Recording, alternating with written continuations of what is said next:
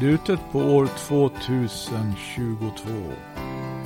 Och det kan vara värt att fundera lite med predikaren. Det står i predikarens bok i Bibeln i första kapitlet. Från den femte versen läser jag. Solen går upp och solen går ner och har sedan åter brått att komma till den ort där hon går upp. Vinden far mot söder och vänder sig så mot norr. Den vänder sig och vänder sig allt under det att den far fram och så börjar den åter sitt kretslopp. Alla floder rinner ut i havet och ändå blir havet aldrig fullt. Där floderna förut har runnit, dit rinner det ständigt åter. Allt arbetar utan rast, ingen kan utsäga det. Ögat mättas icke av att se och örat blir icke fullt av att höra. Eh, mycket märklig betraktelse där den här predikaren, Davids son, konungen i Jerusalem, försöker liksom fånga in ögonblicket. Han var Davids son. Och David är ju en man som är ganska intressant. En man efter Guds hjärta, heter det. Och han betraktas ju som, på sitt sätt, som Herrens smorde. Och angående Herrens smorde så fanns det särskilda löften. I Saltaren får vi se några av dem. Det står om eh, i psalm 21 ett särskilt löfte här som jag tänker på. Det står att eh, i nionde versen din hand ska nå alla dina fiender. Din högra hand ska träffa dem som hatar dig. Den här uppfattningen fanns ju om David. Den fanns bland hans män. Det var någonting som motiverade dem. Och det kom ju bland annat till uttryck när David blir bortjagad från Sauls hov. Saul fattar hat till David, därför David kommer ju verkligen att eh, konkurrera med honom om uppmärksamheten och föreställningarna om att vara framgångsrik eh, härförare.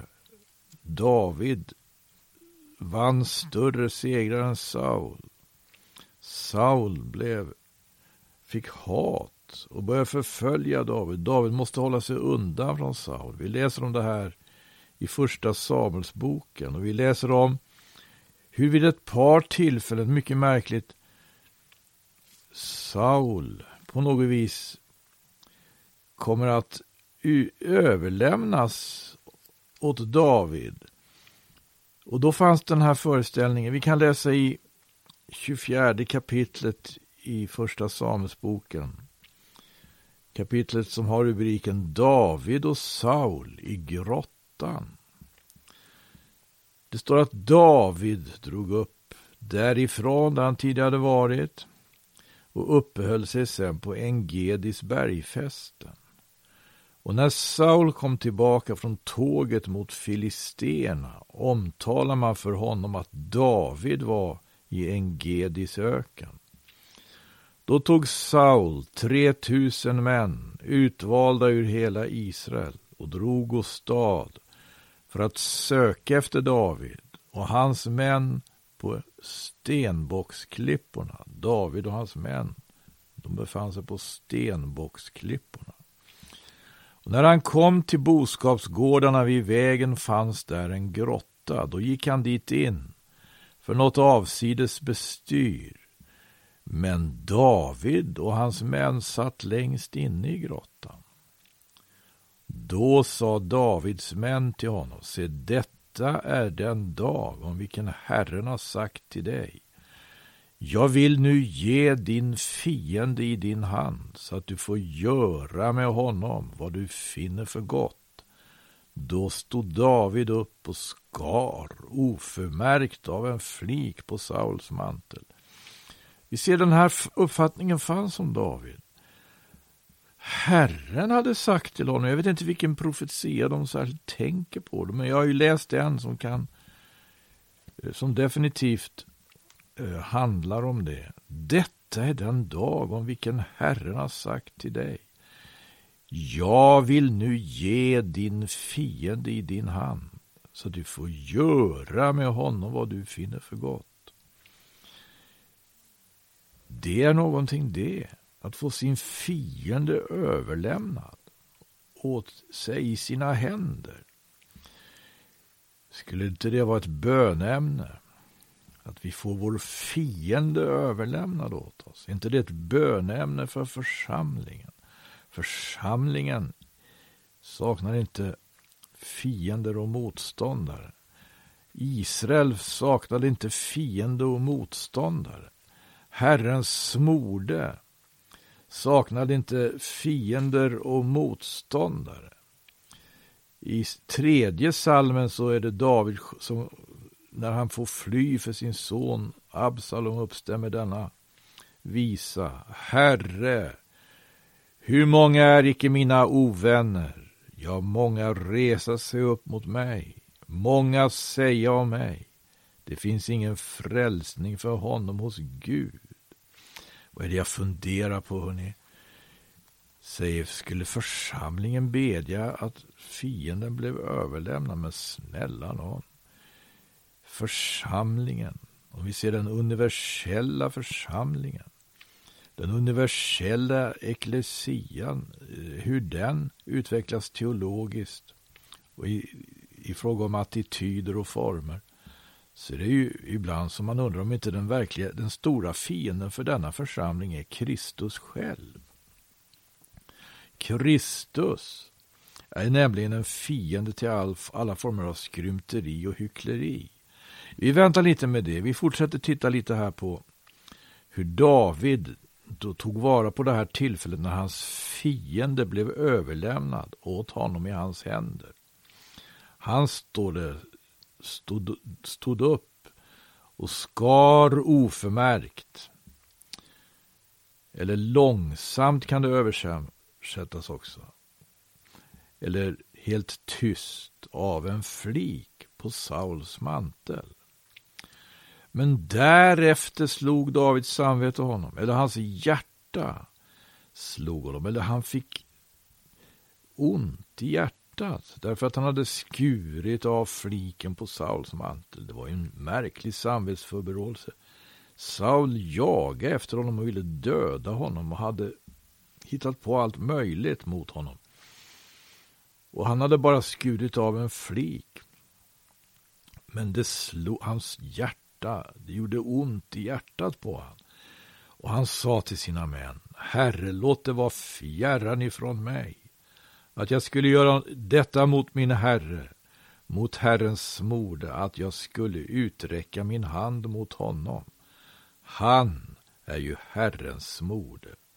Och David höll sina män tillbaka med stränga ord och tillstade dem icke att överfalla Saul. Men när Saul hade stått upp och gått ut ur grottan och fortsatt sin färd, då stod också David upp och gick ut ur grottan och ropade efter Saul, min herre konung. När då Saul såg sig tillbaka böjde David sig ner mot, med ansiktet mot jorden och bugade sig. Och David sa till Saul, varför hör du på sådana människors ord som säger att David söker din ofärd? Du har ju idag med egna ögon sett hur som jag skonade dig när Herren idag hade givit dig i min hand i grottan och man uppmanar mig att dräpa dig. Han hade fått sin fiende Saul. Nu var ju fienden framför allt på den tiden för Israel, det var ju filisterna.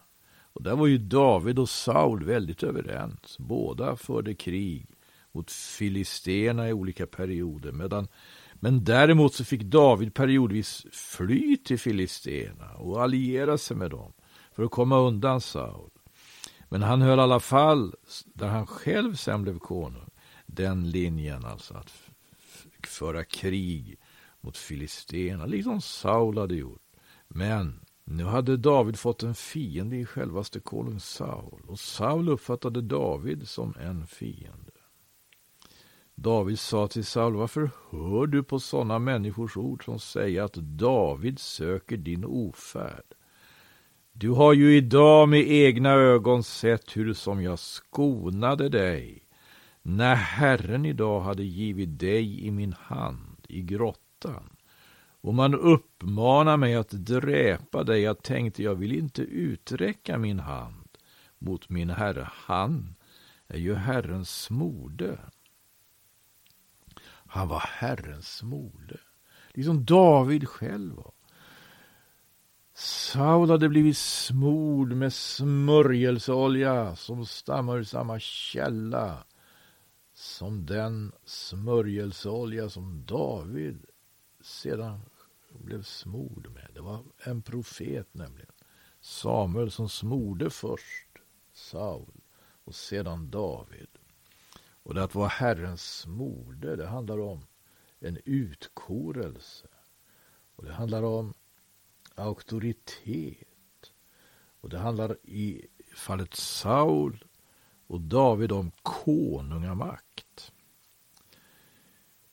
Och den här konungamakten ville David inte kränka.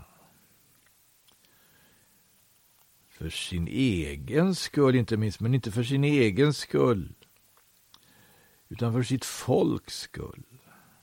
För Guds bestämmelses skull. Se själv, fortsätter han, se själv min fader. Ja, se, här fliken av din mantel i min hand. Därav att jag skar av fliken på din mantel men inte dräpte dig, må du märka och se, att jag inte har velat göra något ont eller begå någon förbrytelse, och att jag inte har försyndat mig mot dig fastän du traktar efter att ta mitt liv. Herren ska döma mellan mig och dig, och Herren ska hämnas mig på dig, men min hand ska icke röra dig. Det är så som det gamla ordspråket säger, från det ogudaktiga kommer vad ogudaktigt är. Därför ska min hand icke röra dig. Efter vem har Israels konung dragit ut? Efter vem är det du jagar? Efter en död hund? Efter en enda liten loppa så var det då Herren, domar och döme mellan mig och dig. Må han se här till och utföra min sak, ja, må han döma mig fri från din hand. När David hade talat detta, dessa ord till Saul sa Saul, det är ju din röst, min son David. Och Saul brast ut i gråt. Och Saul fick verkligen bearbeta sin uppfattning om David. Hans uppfattning hade ju härdats här under en tid och hans uppfattning var väldigt negativ. Vi kan läsa i tidigare kapitel i Samuelsbokens tjugonde kapitel om hur eh, eh när det var en nymånadsdag och David förväntades sitta till bords eh, i, vid, vid Sauls hov med konungen och hans son Jonatan. Eh, det var innan David hade blivit bortjagad, men han kom inte. Han var rädd för Saul, för Saul hade hotat honom. Väldigt allvarligt. Och när, när David inte kom eh, till den här nymånadsdagen så frågade Saul Jonatan varför har Isais son varken igår eller idag kommit till måltiden? Det är första Samuelsboks 20 kapitel 27 vers. Och Isais son, det vet vi, det är ett annat sätt att benämna just David. Jonatan svarade Saul, David utbad sig tillstånd av mig att få gå till Betlehem. Han sa låt mig gå, för vi firar en släktoffersfest i staden och min bror har själv bjudit mig att komma. Om jag har funnit nåd för dina ögon så låt mig nu slippa härifrån för att besöka mina bröder. Det var alltså vad David sa till Jonatan, Sauls son. Därför har David inte kommit till konungens bord. Då upptände Sauls vrede mot Jonatan och han sa till honom, du son av en otuktig kvinna. Visste jag då icke att du hade funnit behag i Isais son till skam för dig själv och till skam för din moders blygd. För så länge Isais son lever på jorden är varken du eller din konungamakt säker. Sänd därför nu åstad och låt hämta honom hit till mig, för han är dödens barn. Så uppfattade Saul alltså David. Det blev avslöjat nu för Jonatan. Jonatan visste inte det, men nu fick han det klart för sig. Det var verkligen en fiende för Saul, David. Och lite längre fram i första Samuelsbokens 23 kapitel. Då eh, just när Saul eh, jagar efter David och det står några sifiter kom. Det här är kapitel 23 och vers 19. Några sifiter drog upp till Saul i Gibea och sa David håller sig nu gömd hos oss på bergfästena i Hores på Hakila-höjden som ligger söder om ödemarken. Så dra nu ditt ned, o konung, så snart det lyster dig att göra det. Vår sak blir det då att utlämna honom åt konungen. Då sa Saul, var välsignad av Herren, därför att ni har velat spara mig bekymmer. Men gå nu och skaffa er ytterligare visshet och ta reda på och se efter på vilket ställe han nu vistas och vem som har sett honom där. För man har sagt mig att han är mycket listig. Det var en fiende, det var en listig fiende och motståndare för konung Saul denne David och nu så hade David, fast han hade haft tillfälle att döda Saul, inte gjort det. Och nu stod han där och talade ut med konungen. Och när han hade talat dessa ord står det att Saul reagerar på det viset. Det är ju din röst, min son David. Det hade varit en stor fiende och motståndare i Sauls ögon, men nu, det sättet som han tog det här tillfället, det sättet som han, om vi säger tog vara på det här tillfället, han lyssnade inte till sina mäns röst. De påminde till och med om en profetia. Att Davids fiende skulle eh, bli överlämnad i Davids hand. Han tog inte vara på tillfället på det viset att han spetsade Saul till marken med sitt svärd eller lät någon annan göra det. Och då så står det att Saul reagerar som så, det är ju din röst. Han hade väntat sig att höra en helt annan röst, en fiendes röst. Han hade väntat sig att möta i David en helt annan, inte en son, inte en son, men nu... Han sa inte, du min fiende. Nu, nu, nu faller liksom fjällen från hans ögon. Liksom fjällen en gång skulle komma och falla från en annan Sauls ögon. Saulus från Tarsus som jagade efter Jesu efterföljare. Fick vara med om det underbara när han jagade fram på Damaskusvägen. Att Jesus den levande, Gudens son, Jesus den uppståndne uppenbarade sig för honom och sa just det. Han sa på det viset när Saulus, Saulus från Tarsus, farisén, jagade fram så sa han de orden. Saul, Saul, varför förföljer du mig? Och här, här hörs ju något av samma ton. Den gamle David, den historiske Davids röst, när han ställer just den frågan till konung Saul. Vem har, efter vem har Israels konung dragit ut? Efter vem är det du jagar? Det är samma fråga. Saul, Saul, farisén Saul kan vi läsa om hur han mötte Jesus i Apostlagärningarnas eh, nionde kapitel. Saul, Saul, varför förföljer du mig? Och på motsvarande sätt då så fick farisén Saul uppleva att han fick ompröva sin uppfattning om Jesus fick upp, ompröva sina uppfattningar. Men det här, eh, jag tänker på vi lever ju i en tid nu med så mycket fientligheter. Det pågår krig. Det är, eh, det är verkligen många så att säga, eller få, jag vet inte, men det finns ju uppenbarligen fiendebilder. Man uppfattar som fiender de som kanske inte är fiender i själva verket. Här är ju församlingens stora uppgift. David är en väldig förebild här. Han, han eh, tänkte verkligen till när han fick tillfället. Församlingen har blivit uppmanad av Jesus att bedja. I bergspredikan säger Herren på detta sättet. Det är ju verkligen i överensstämmelse med det här Saul-David-temat i kapitel 5 i Matteus evangeliets 43 vers. Ni har hört att det är sagt du ska älska din nästa och hata din ovän. Men jag säger er, älska era ovänner och be för dem som förfölja er. Och var så er himmelske faders barn. Han låter ju sin sol gå upp över både onda och goda och låter det regna över både rättfärdiga och orättfärdiga.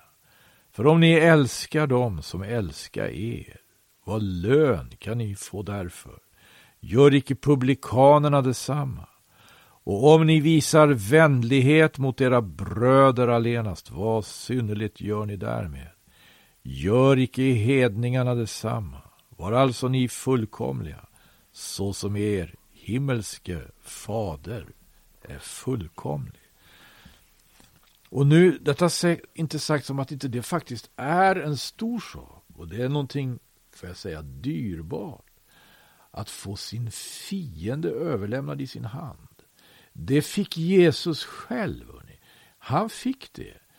Vi vet att innan han gick till verket så blev han frestad av Satan. Och det här var ju det tillfälle när Jesus fick sin fiende i sin hand. Satan kunde inte i det här läget undvika honom. Han hade fastat, står det i 40 dagar och 40 nätter. Och Guds ande hade kommit över honom då han döptes i floden Jordan. Och djävulen måste liksom undersöka honom. Det var ju Gud som lät det här ske. Att djävulen, Satan, sökte upp Jesus där han var i öknen. För att pröva honom, för att fresta honom. Och det här var ju faktiskt ett stort tillfälle och ett dyrbart tillfälle. Varför var det dyrbart? Naturligtvis måste det här varit helt ohyggligt. Verkligen inte angenämt. Men det var ju värdefullt på det viset att Jesus var utrustad för att möta situationen. Han var utrustad för att möta situationen. Och när djävulen ställer sina frågor och kommer med sina förslag så svarar han och hans svar är djupt förankrad i Guds rådslut. Han, det finns inte ett svar som Jesus levererar på djävulens framstötar som inte är hämtat från femte Mosebok. Eller från Saltaren. Det är inte hans egna ord. Inte hans individuella funderingar. Det är djupt förankrat i Guds rådslut. Svaren kommer från, från den som alltså Gud har utsett före världens grundläggning. Jesus. Att bli en frälsare för människors barn. Och han kunde bemöta frestelsen och han avvisade om han svarade till exempelvis på det viset när djävulen kom och sa Är du Guds son så bjud att dessa stenar blir bröd. Det, svarade han, det, det står skrivet människan lever inte av bröd endast utan av vart och ett ord som utgår från Guds mun. Vi kan läsa om det här i eh, Matteus evangeliets fjärde kapitel och i Lukas evangeliets också fjärde kapitel. Det här var värde, oerhört värdefullt för, för församlingen. För Jesu efterföljare alla tider att han gick in i den striden. Det var så värdefullt därför att han var rustad för att, att möta fienden. Det skulle faktiskt vara vårt bönämne tycker jag. Och, nu, och, och jag säger någonting om hela den universella församlingen. Det finns lokala församlingar som förhoppningsvis är honom trogna. Är honom trogna. Och det skulle kunna vara ett viktigt bönämne för den lokala församlingen. Herre, överlämna åt oss vår fiende. Vem, vilka är församlingens fiende? Jag har givit ett par exempel, har jag inte det? Hyckleriet och skrymteriet. Att få tag i det, att få tag i det och ta itu med det. Skoningslös. Vad allvarligt. Är vi beredda? Är vi beredda att möta förföljelsen? Är vi beredda att möta fienden? Ja, det är vi om vi är rustade för det mötet och det kan vi väl göra till ett bönämne inför det nya året. Herre, hjälp oss vara redo. Hjälp oss vara redo. Och hjälp oss framförallt vara redo att bearbeta våra fiendebilder om de på något vis inte skulle stämma. Då får vi vara redo att bearbeta dem. Ja, Gud var evigt lov.